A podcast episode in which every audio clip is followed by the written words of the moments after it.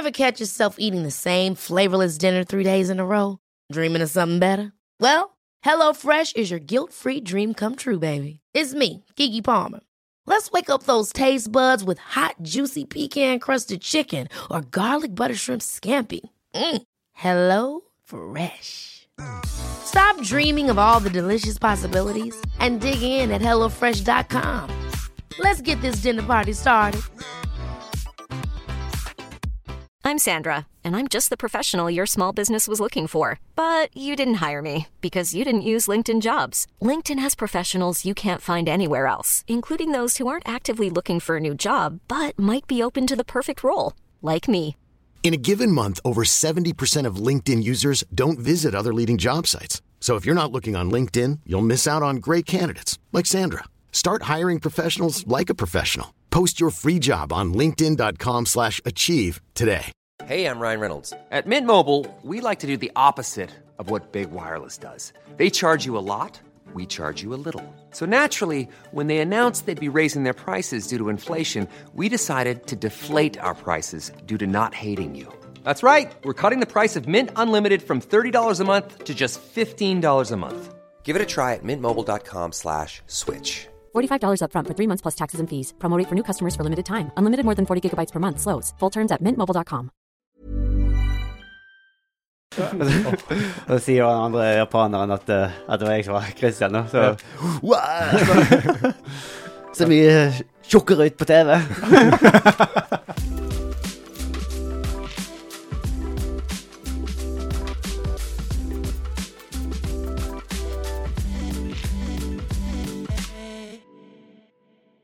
Hei og velkommen til Treningsprat. Du hører på meg, Anders Muren. Og Thomas Brun. I dag er vi i fine Bergen by. Det er vi. Fint Eller, vær i dag òg, Ja, Akkurat. Ja, faktisk. Ja. Jeg bare ble sånn reist fra Trondheim, regna som bare det, hølja ned. Tenkte jeg nå skal jeg til Bergen, Bergen, og der regner det sikkert. Men det gjør det ikke. Vi har uh, litt sol, og vi har med største strålen i verden, syns jeg i hvert fall, Christian Blummenfelt. Velkommen til Treningsprat. Jo, takk, takk.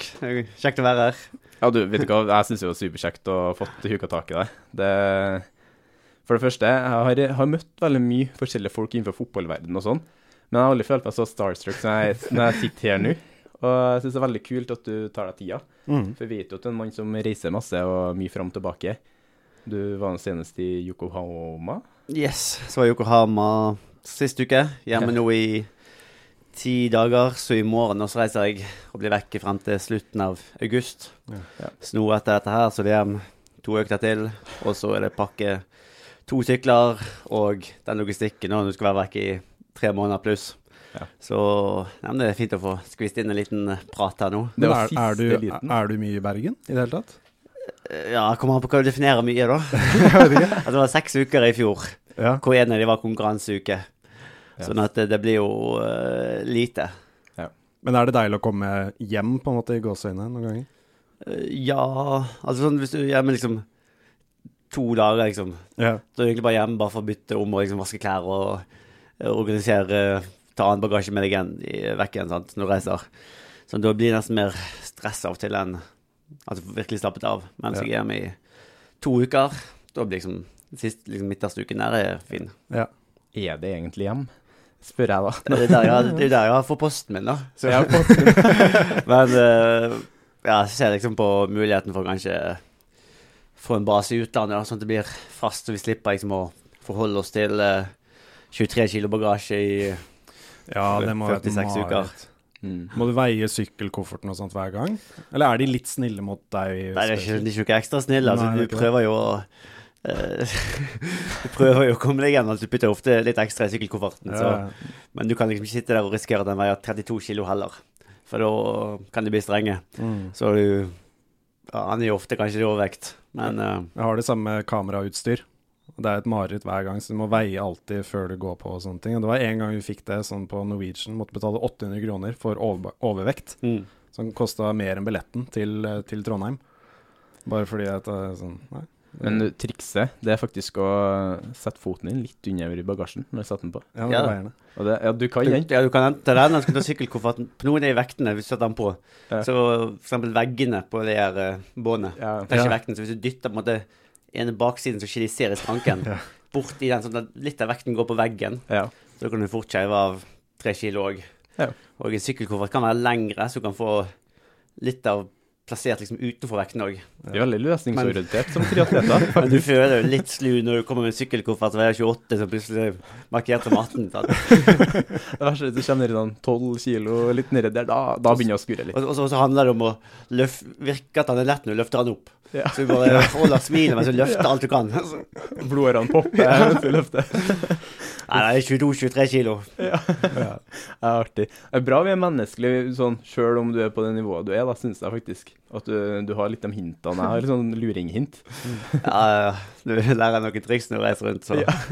Hvordan er rutina når du reiser rundt? Siden du reiser til Japan nå, da har du um, noen som booker ting for deg, eller ting blir tatt vare på, eller sånn Eller må du gjøre alt selv? Nei, nå gjør vi alt det greiene sjøl. Um, så ja, fikser reiser og opphold og Uh, Og så har vi Olav som organiserer treningsleirene. Så er det litt Han pleier vel å booke liksom opphold der i Frankrike og bassengtid og alt det der.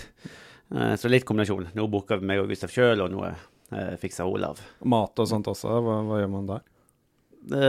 Så når vi er i Frankrike på treningsleir, da altså, lager vi mat sjøl. Ja.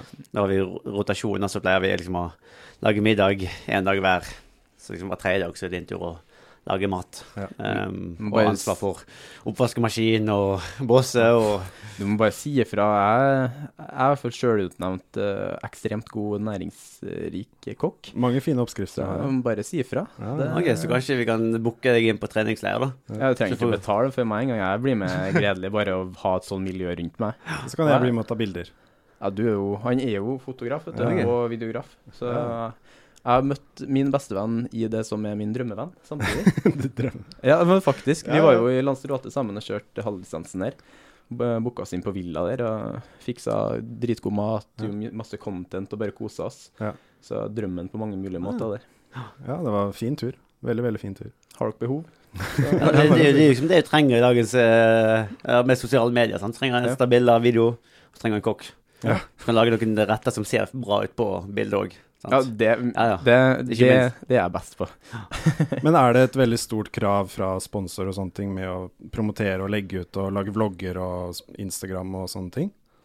Ja, da, altså du forplikter deg opp når du har samarbeidspartnere. Ja. Eh, men mye av det fikser eh, manageren vår, Adam. Eh, så han liksom organiserer fotoshoots, da. Så typisk når vi er på leir i høyden i fire uker, da er det kanskje fire eller fem dager hvor vi har et kameracrew som kommer og filmer liksom for alle sponsorene de fem dagene.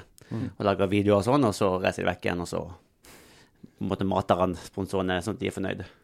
Hva med så- de vloggene som du lager selv også? Er det, er det noe du gjør liksom bare på Det- din egen hånd, eller er det noen som spør om det? Uh, altså, de lager sjøl egen hånd, Ja. men du har ikke blitt noe på et år, da. Nei, det Men det har vært eh, travle dager, vet du. Ja. Um, men så da, de siste så har jeg liksom filmet sjøl, og så sendt i en dropbox. Så har jeg hatt noen som har redigert. Um, For Men- du ser jo, veldig mange har jo ofte da, en, som du sier, en videograf som følger dem under trening og, og sånne ting. Det har blitt veldig populært. Det blir sånn influensere, hele gjengen. ja. Men så liksom Det er liksom eh, begrenset hvor mange sånne her eh, baneøkter du kan filme. Sant? Ja, ja, ja. Så vi prøver å være litt mer variert. Så vi, men vi bruker jo som regel det spanske crewet til å filme rundt omkring på treningsleir, så folk får, får en uh, innblikk i hvordan vi jobber, og um, ja, så det er enklere å følge med. Jeg føler jo innenfor triatlonverden så har jo i hvert fall Norge generelt det er jo bare helt Folk er jo helt i frelsestatus, liksom. Det, og det er jo mye takket være deg og Gustav Widen. Eh, Kasper Stornes òg, kan vi si. Egentlig hele det norske crewet, kan vi si. På mange mulige måter. Jeg opplevde det når jeg kjørte Ironman i Texas nå for snart en måned siden. Hadde på meg norsk age group uh, trisutter, og folk kommer bort til meg og Do you know Christian? Do you know Christian? Og det er bare sånn Yeah, of course. He's like a brother.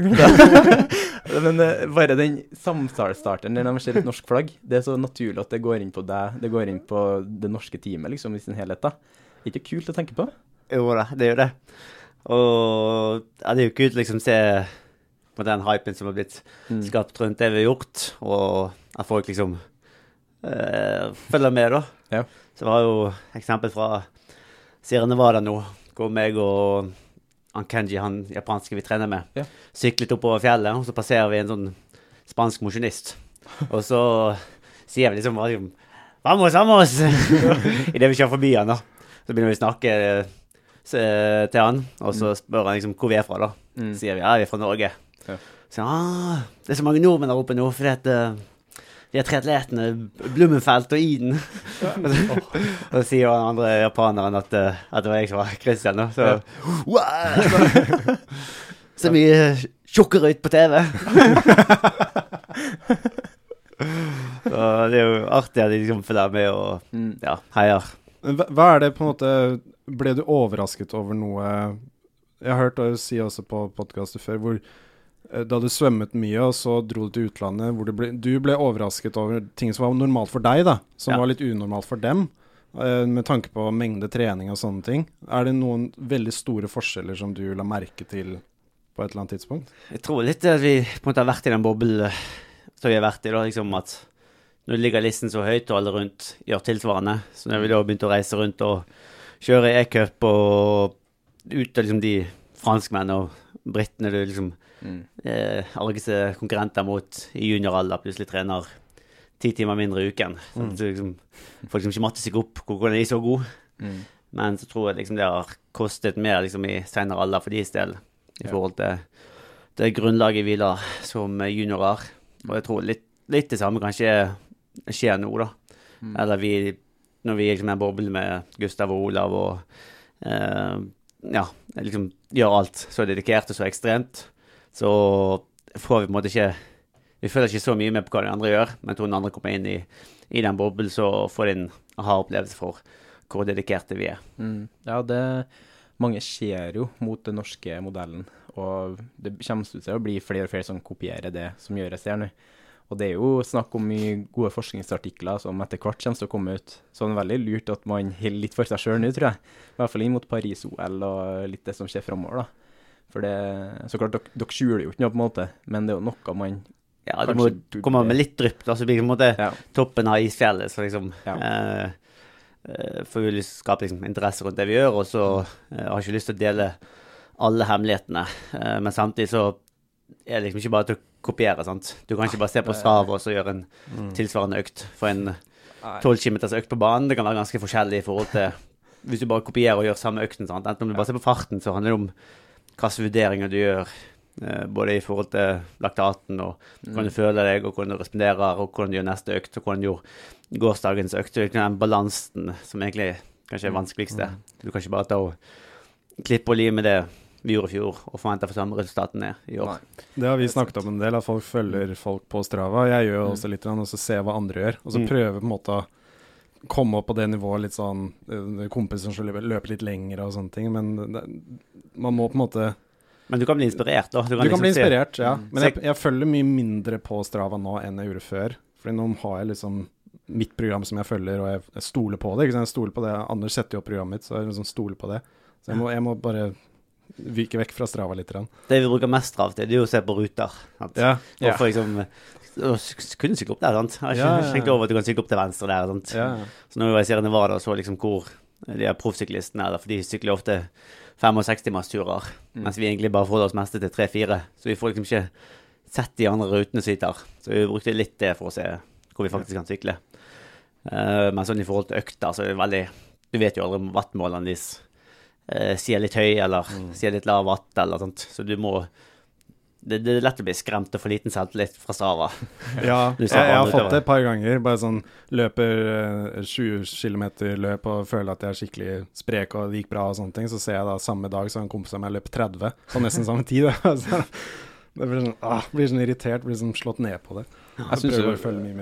Jeg syns det er litt artig når du nevner med Strava, for at uh, uh, i forkant av VM i Kona du, du vet hva jeg skal nevne det, det skjønner jeg at du skjønner, men bare da, var en uke før, så kjørte dere øh, Dere kjørte jo egentlig både hele sykkelløypa på 18 mil i ganske bra tempo, og samtidig så kjørte dere Nei, dagen etterpå kjørte dere 40 km race pace, typ. Ja, så hvis jeg husker rett, så var det vel syv dager før. Så gjorde Ja. vel hele svømmeløypen Mm. Uh, med intervaller, og så gikk vi rett på sykkel uh, og kjørte eh, så å si hele. Vi tok ikke over til Vi kjørte ikke Alley Drive, så vi kuttet ned til 170 km rundt race pace på watt egentlig hele veien for å uh, både liksom få en gjennomkjøring og samtidig få en slags idé for hvordan beina er. Og det var vel kanskje andre økten vi gjorde tilsvarende på race pace på sykkel, tror vi gjorde en uken før òg. Uh, også dagen etterpå gjorde vi 100 km kanskje på sykkel. Ja, så- Hvor vi lå rett under race, altså litt, litt mer forsiktig, men samtidig få opp litt fatigue fra dagen før. Og så løper vi over på 40 km race pace på løp, og det Jeg føler liksom de øktene For det første så gjør vi veldig få sånne økter. Vi trener veldig mye terskel, måtte bygge opp kapasiteten i, når vi er på høydelære i så vi får Tromø. Uh, så vi venter med de på en måte, spesifikke øktene til vi kommer nærme løpet. For å kjøre for mange av de. For det jeg tror vi gjør for mange av de, så presser vi ned vet du, maksen din. Ja, for, så, ja, fordi vi ikke har gjort så mange av de, så føler vi liksom at vi har lyst til å få en slags erfaring med både hvordan næringen funker, trene opp, eller vedlikeholde magen og få en slags følelse for det. Og eh, få en følelse for temperaturen, sant. Hvor den kan peise i, i de forhold som er på kona. Og det er samme for eh, oppskrift vi egentlig har brukt inn mot både St. George i mai og Cozumel når vi kjørte der. Så det er liksom kjører typisk en stor nesten gjennom hele løypen uh, uken før. Generalprøve. Ja, type, og så uh, får du en forhold med hvordan løypen kjennes. sant? Du vet hvor kilometer Altså hvor er 90, hvor er 100, hvor er Så du får en slags følelse hvor du er i løypen, og um, det gjør det enklere på en måte, istedenfor å tenke at du skal begynne å toppe to uker før og liksom må ta ned volumet. Så har du på en måte trøkk frem til uken før, og så kan du liksom, da kan du føle trygg på at nå er jobben gjort, nå handler det bare mer om å få overskudd inn mot løpet. For jeg tror hvis du tar ned volumet for tidlig, så vil du eh, få muskelfibren til å kanskje bli litt mer eh, raske. Sånn, eh, gå fra treg eller utholdenhetsmuskelfibre til å bli mer raske. og Du kan føle deg freshere enn å stå på startstreken, men de vil være, være mye mindre effektive i forhold til å bruke glykogen. Sånn at eh, jeg tror det er en tabbe ganske mange gjør. De begynner å toppe for tidlig, eller ta ned volumet for tidlig. Jeg syns det er jævlig artig å følge med på kommentarfeltet deres, i, eh, både til deg og Gustav, da, men spesielt til deg. Så det er så mange som Strava-eksperter som har sine meninger om Nei, det var litt, litt sånn rart å kjøre den økta da, liksom. Har sine meninger på det. Uh, jeg, du får med sikkert noen av de kommentarene og flirer litt av det. Ja, ja, ja. Uh, det er mange eksperter der ute, sant? Ja, folk har Selverklærte eksperter. Veldig. Så samme løpte en uh, Skulle løpe en 5000 meter på kvelden, sant. Ja. Konkurranse. Så jeg gikk ut og tok en jogg tidlig på morgenen, så mente de at nei, farten her var for Varigheten var for lang, og farten var for sakte i forhold til Ja, men, det- men det handler liksom om hvordan du føler deg, og um, Ja, men jeg syns det er bare så interessant er hvor mye folk som har meninger om treningen til andre. da. Ja. Og så når man eksponerer treninga si så offentlig som uh, du gjør, da, så er det jo veldig sånn Man er veldig sånn mottakelig for at folk skal kommentere på det, da. Men det er jo fint at du, når du har det teamet rundt deg, og du sjøl har den kunnskapen rundt trening som du sitter, så vet du at du, du gjør det du skal gjøre. Men så klart, når man sitter som en litt nybegynner og får de innspillene fra alle andre, så er det lett å bli litt sånn opphengt i det, da. Ja, det er jo det. Du har jo tre forskjellige råd. Sant? Du skal trene mindre riktig, sant? så mer igjen. Sant? Eller trene roligere, hardere. Sant? Du Ja. får jo råd i alle retninger. Ja, hele tiden. Sånn at det handler litt om å tro på de du jobber med, og så altså, Du kan eksempel bruke de når folk kommer med tips. Mm. På en måte Skrive det ned, og så bruke det som et alternativ. Liksom, tenke igjennom og bruke Tenke over rådene, men ikke alltid stresse over det. Nei, det er jeg altså så helt enig. Kan, og så være litt sånn Uh, Jeg tror det er viktig for oss å være, ha litt mer tunnelsyn på hva man, hva, hvem man lytter til, og hva man får eh, innspill ifra. Ja. For det, det er noe annet å høre på uh, en spanjol oppi 60-åra som uh, slakter deg pga. at du kjørte «Nei, Jeg kjørte litt for rolig, ja. VS eh, han fra Olympiatoppen som har sine råd til deg spesifikt. da. Ja. Og det samme, litt sånn Altså, vi jobber jo mye med svømmingen og svømmeteknikk. Men du har, du har ikke lyst til å ha teknikkråd fra 20 forskjellige. At du stoler liksom på de vi jobber med, og nå jobber vi med Ørjan Madsen på svøm, og liksom Ja, det, det, det er ikke mangel på kunnskap som gjør at vi ikke får fort nok. Det handler liksom om å Ja. det, vi, vi som egentlig bare f- får det til, sant. Så Mm. vi, vi har jo nok eksperter rundt oss Ja. som liksom vet på en måte hva som kreves. Mm. Og da handler det egentlig bare om å få det til, mer enn å få 19 andre meninger om Eller 19 Ja. andre skal fortelle deg at du må ha lengre tak. Ja, ja. bedre tak på vann, høyere albu. sant? Ja, Sånn at uh, ja, vi har eh, gode folk rundt oss som vi ja, bruker, og føler liksom at vi har de ekspertene vi trenger. Og da tenker jeg jo eh, Det er jo veldig veldokumentert, det teamet som dere sitter med rundt dere. Kan du fortelle litt mer om hvem har vært dine viktigste støttespillere de siste årene inn mot eh, alt det du er opptatt Ja, så helt i starten så eh, var det 2010-2011. Begynte å jobbe med Arild Tveiten, som liksom begynte å lage et strukturert triatlonprogram. Frem til det så var egentlig bare en svømmer som gjorde litt løping på si, og fant frem sykkelen og skulle konkurrere. Uh, så egentlig veldig basic. Men da i, etter senior-NM i svømming i 20, på kortbane, kortbane i 2011, så begynte vi liksom å eh, switche om til å bli trent som en triatlet. Så var jeg under Arild i hans program frem til OL i 21, mens Olav kom inn rundt 2016-2017 og gjorde mer testing og eh, ble med, kom mer og mer inn i programmet. Og siden 21 så har Olav på en måte hatt styringen. Uh, men også at mange andre fra Olympiatoppen inne. Mm. Uh, Ørjan Madsen kom inn i 2014 og uh, begynte å gi oss råd i forhold til høydetrening og få systematisk høydeopplegg. Eh, ja, egentlig fra 2014, sånn at inn mot Rio og inn mot eh, Tokyo. Så eh, hatt mange rundt. Mange er viktige. Ja. Ja, det kan jeg skjønne. Og jeg, jeg syns det er litt artig at du nevner ditt første OL, da, i Rio.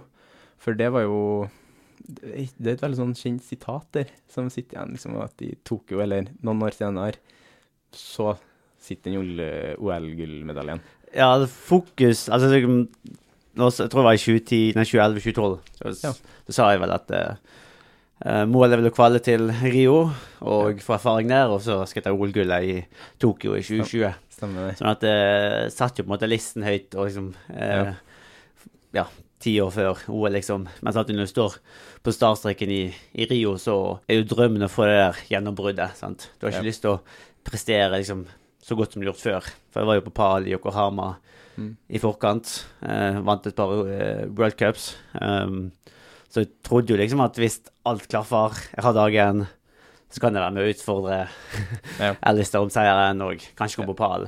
Ja. Sånn at eh, du, du har jo hatt lyst til å være 50 bedre enn du har vært før. Ja. Uh, og dessverre så fikk jeg ikke det til. Nei. Ble, det var kanskje Henry Schumann da, som fikk liksom det gjennombruddet og måtte overpresterte og Mm. fikk den medaljen, mens jeg kom på 13.-plass. Var vel en ti sekunder for treg på svøm.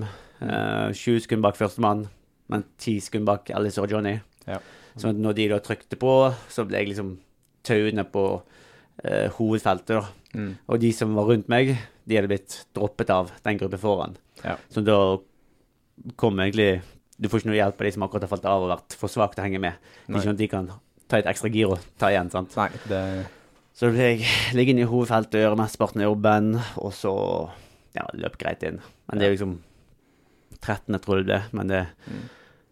Ja, det var skuffende. Altså, det Du drømmer jo om å ta medaljen og, og vinne, og uh, når du kommer over med 13., så er det liksom ingenting. Mm. Så det er bare et løp, løp jeg har lyst til å bare glemme. Har du tatt med det inn mot de årene i senere tid, og bare motivert deg av det? Eller har du bare prøvd å fordøye og så bare Jeg bare glemte det. sant? Jeg, tok, jeg pleier jo å se gjennom alle løpene jeg kjører sånn i etterkant, men eh, løpet i Rio tok det meg fire år før jeg så i reprise. Så det så jeg Ja. plutselig når jeg satt på rull i, under pandemien og tenkte ja, nå er liksom det er ikke så mye å gjøre med det. Fått, Nei. fått det nok på avstand. Ja. Så uh, det var mer sånn en måte skuffelsen og tomheten rundt det. Mm.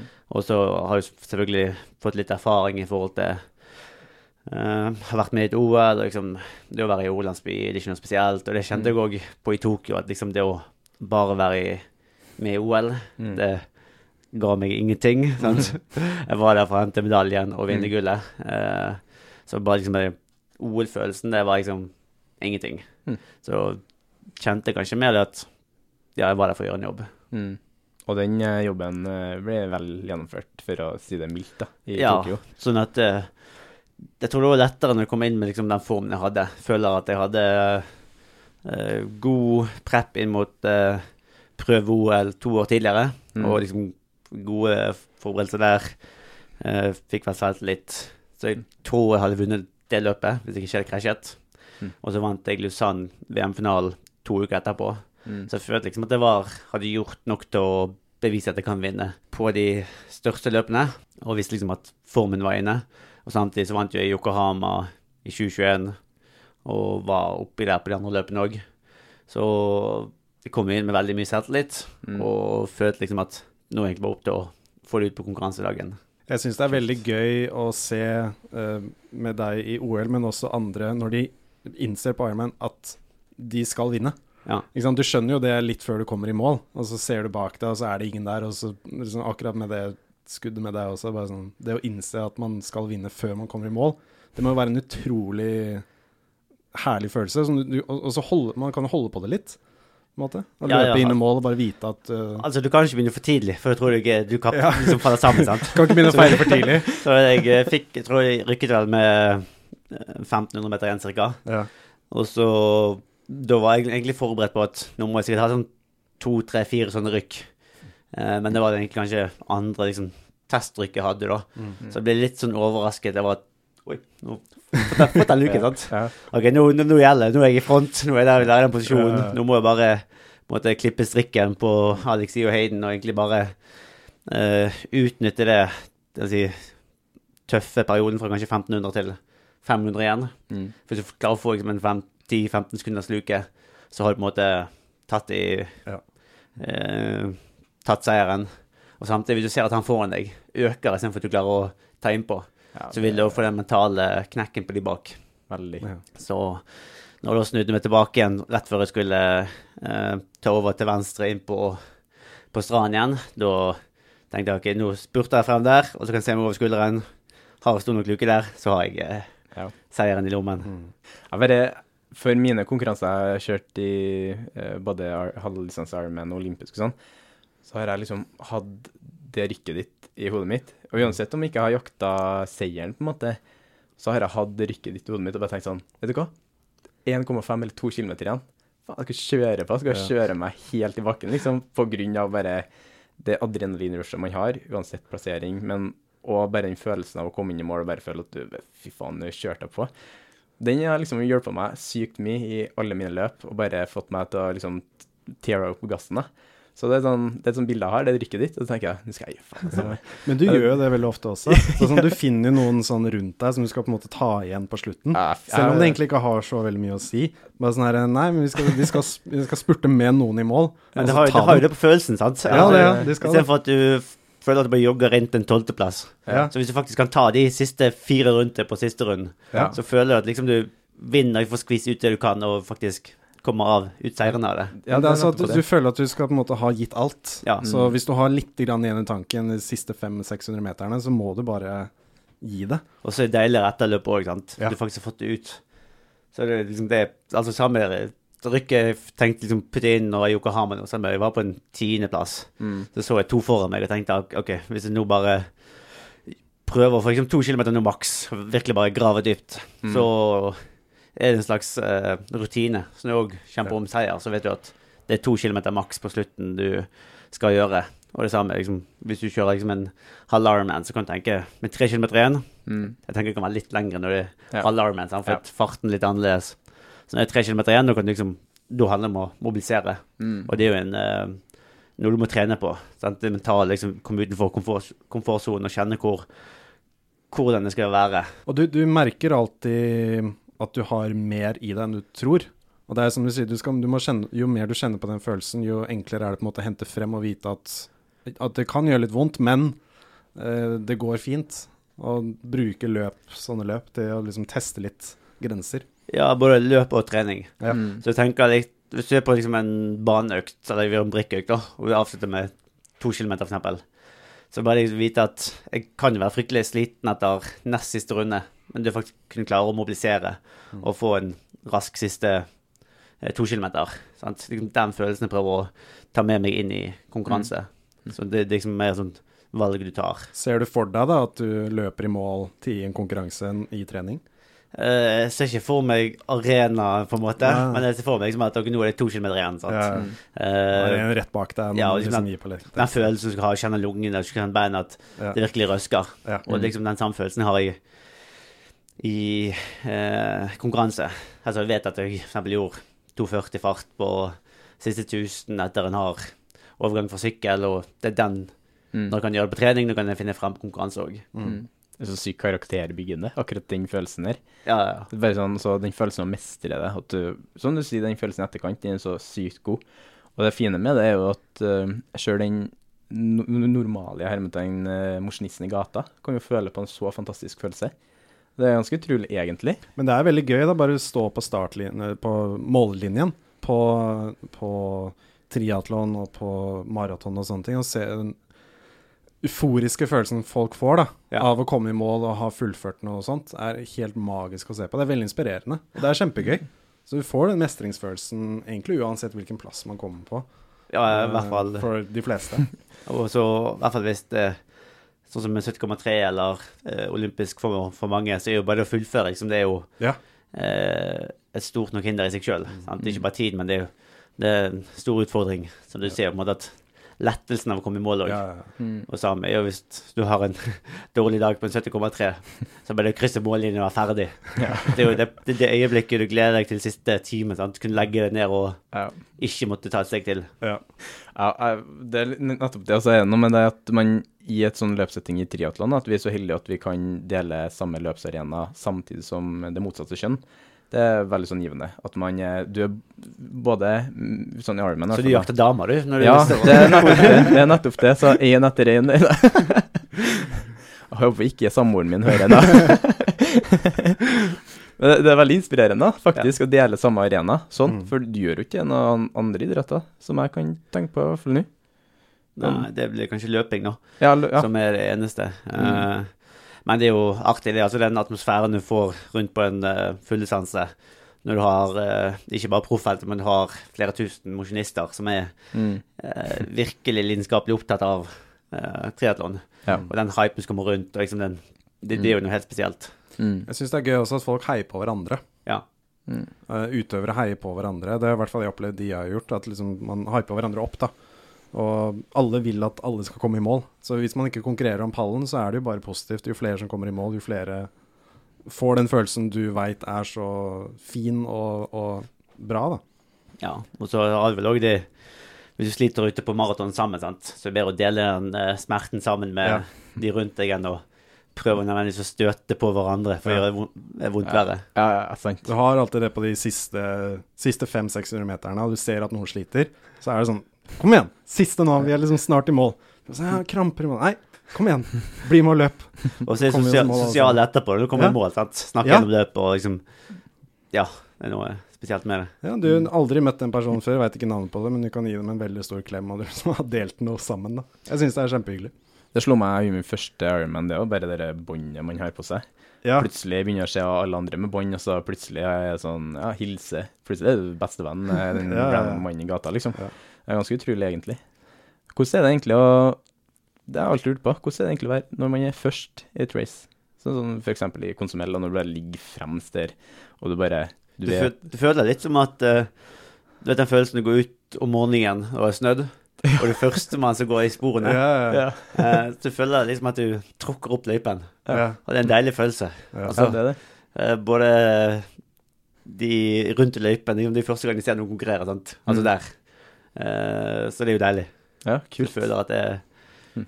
eh, Og spesielt det å komme inn på mållinjen. Føler liksom at det er ingen som har vært der før. Det venter at det er Ja, førstemann av 2500 som skal krysse igjen mm. mållinjen den dagen. Eh, så det er deilig. Og så er jo den følelsen når du har de her ofte 180-gradere. ja, ja, Du kan se de som jakter deg bak i øynene. ja. Og du kan liksom Det kan jeg se for Eller motsatt. Du kan jakte noen ned som er foran deg i løypen. Ja. Um, men det er litt ja, det er litt den følelsen som å gå ut uh, om morgenen når det har snødd. Mm. Ja. Ja, men da, da Men kan det jeg blir jo også ofte igjen, da, og, gratulerer de som kommer på andre, tredje og fjerdeplass også.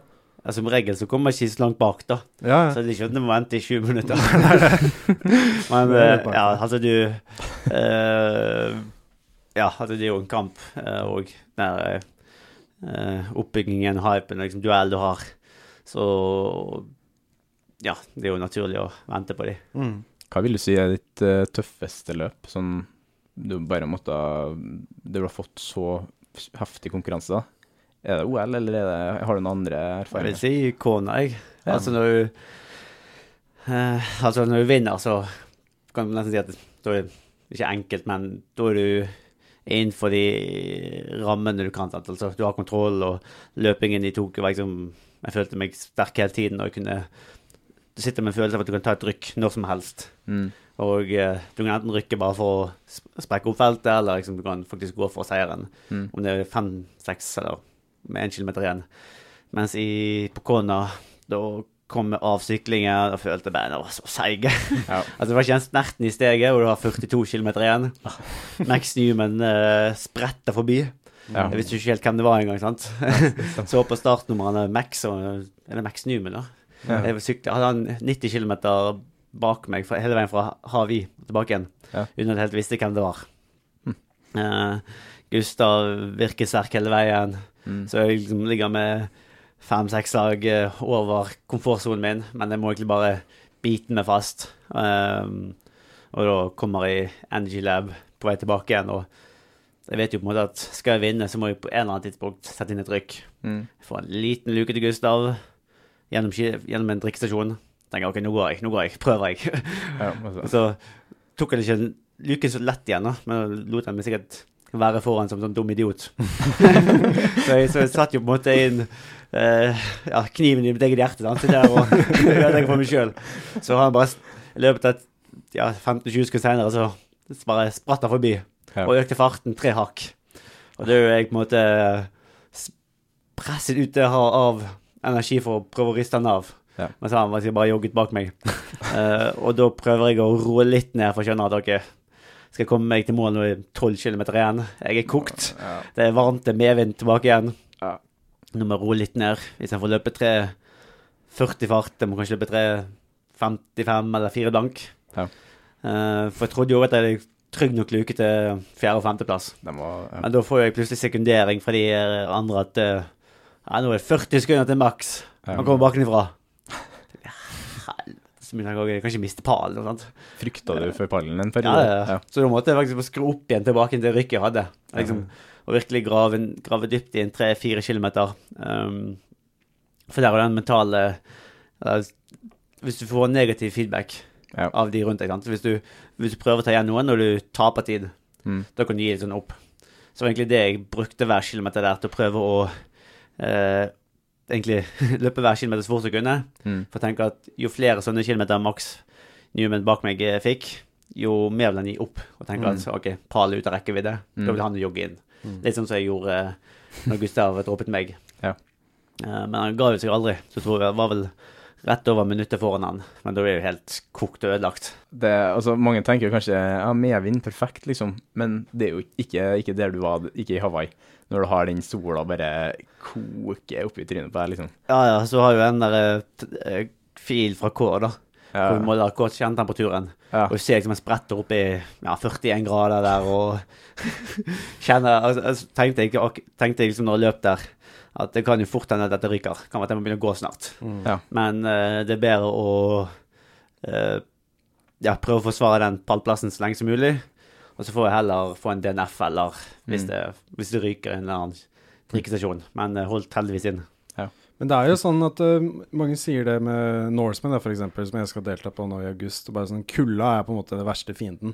Men jeg synes sånn, varmen høres mye verre ut, føler jeg. Ja, altså jeg tror På kulde så kan du alltid kle på deg. Det er det. Så, eh, selv om du prøver å ha på det minst mulig for å være mest mulig aerodynamisk og liksom raskest mulig, så kan du alltid ta på deg noe. Men i varmen så kan ikke det samme. Og så er det så mye mer avhengig av drikkestasjonen også, føler jeg. Du, liksom, du må få i deg så mye væske som mulig. Det var jo vanskeligere enn oppe på Hawaii. Ja, For Det var jo færre drikkestasjoner enn vanlig. ja sant det. Eh, fordi at de hadde to dager med løp, og de fikk ikke nok frivillige til å ha samme antall drikkestasjoner som tidligere på torsdagen. Så måtte de redusere drikkestasjonene, og da ville de at det skulle være likt på torsdag og lørdag. Så da fikk vi jo mindre drikkestasjoner. Sånn at uh, du ligger liksom på limiten og prøver jo å få i så mye væske som mulig. Men uh, Man er i grenseland da, ja. Når det Ja, fy søren. Herregud. Men viser jo øh, men Det sa om temperaturen. Dere har jo vet jo at dere har trent veldig mye på det, men så ekstremt? Har dere trent på oppi, at dere, liksom oppi maksen? Oppi, det kan jo være oppi 41 grader, liksom? Liksom Ja, altså, når det er konkurranse, så Så handler det bare om å komme seg til mål, nesten, sant. Ja. Eh, men det lå jo mer stabilt lavere frem til rykket til Gustav kom og Mm. frem til eh, returen fra Angelab. Så jeg var jo på en måte utenfor komfortsonen, og Ja. der skulle det vært eh, på vei tilbake igjen. Mm. Men vi har jo brukt mye tid med både med K-sensorene, eh, for de kunne vi bruke egentlig 24-7, eller på hver økt, så har vi brukt mer litt dyrere piller, som tror vi koster 500 kroner gangen, så vi putter opp rektalt. Ja. Så da kan vi få 100 eh, nøyaktige målinger, Ja. mens K-en er jo på en måte en algoritme som renner ut. Og kanskje litt forsinkelse, men han gir ganske gode, gode tall likevel. Mm. Veldig interessant det der. Hvor mye I hvert fall eh, eh, Dere har vist opp hvor mye tall man kan faktisk bite seg merke i for å optimalisere treninger og konkurranseforberedelser.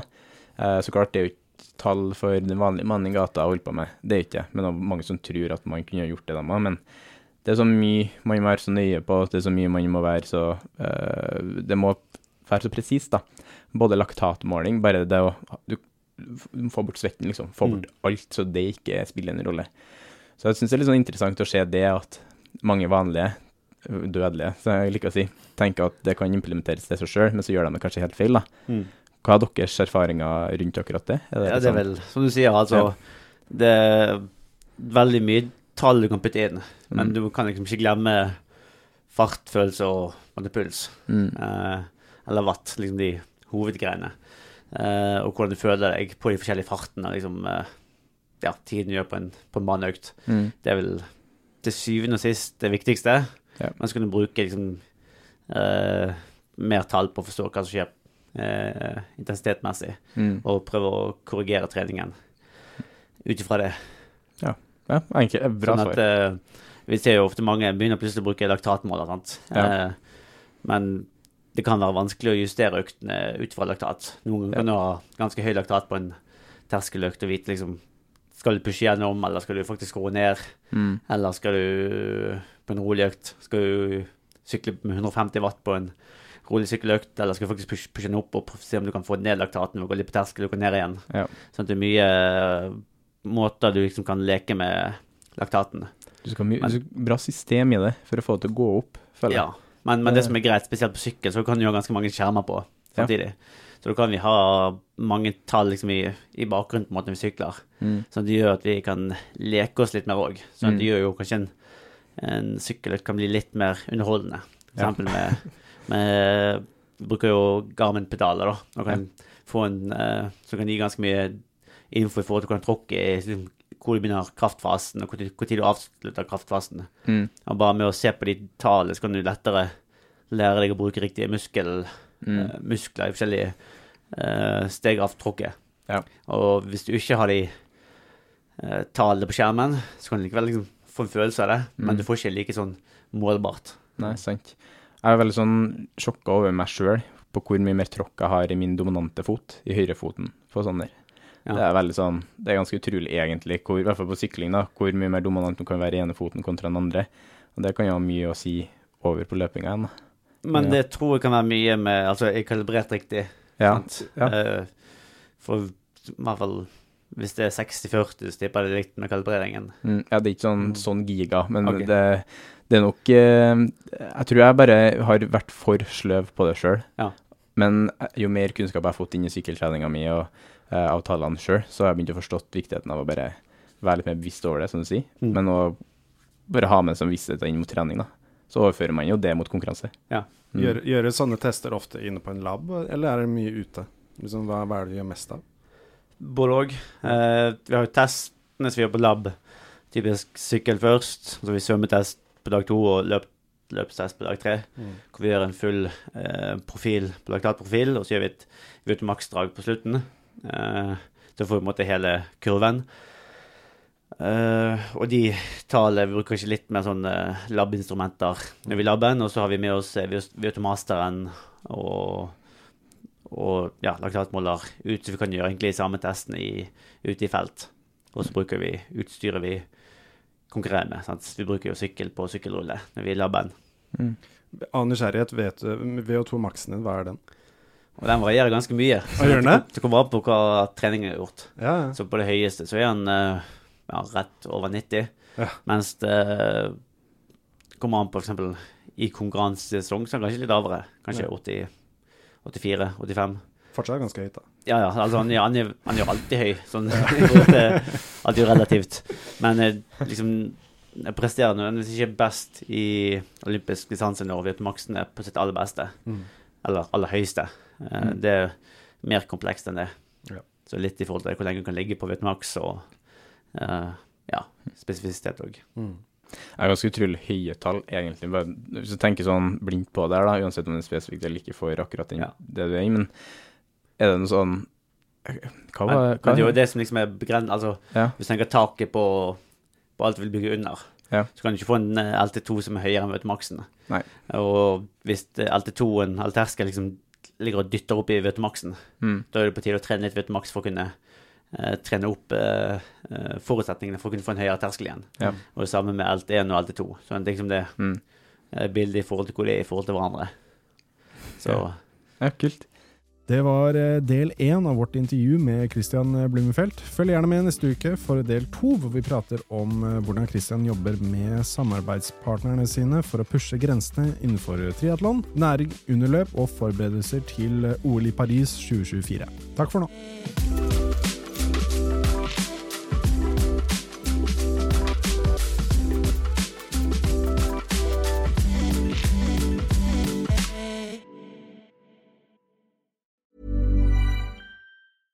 Ever catch yourself eating the same flavorless dinner three days in a row? Dreaming of something better? Well, HelloFresh is your guilt free dream come true, baby. It's me, Gigi Palmer. Let's wake up those taste buds with hot, juicy pecan crusted chicken or garlic butter shrimp scampi. Mm. Hello Fresh. Stop dreaming of all the delicious possibilities and dig in at HelloFresh.com. Let's get this dinner party started. Imagine the softest sheets you've ever felt. Now imagine them getting even softer over time. That's what you'll feel with Bowl and Branch's organic cotton sheets. In a recent customer survey, 96% replied that Bowl and Branch sheets get softer with every wash. Start getting your best night's sleep in these sheets that get softer and softer for years to come. Try their sheets with a 30-night guarantee. Plus, get 15% off your first order at bowlandbranch.com. Code BUTTERY. Exclusions apply. See site for details.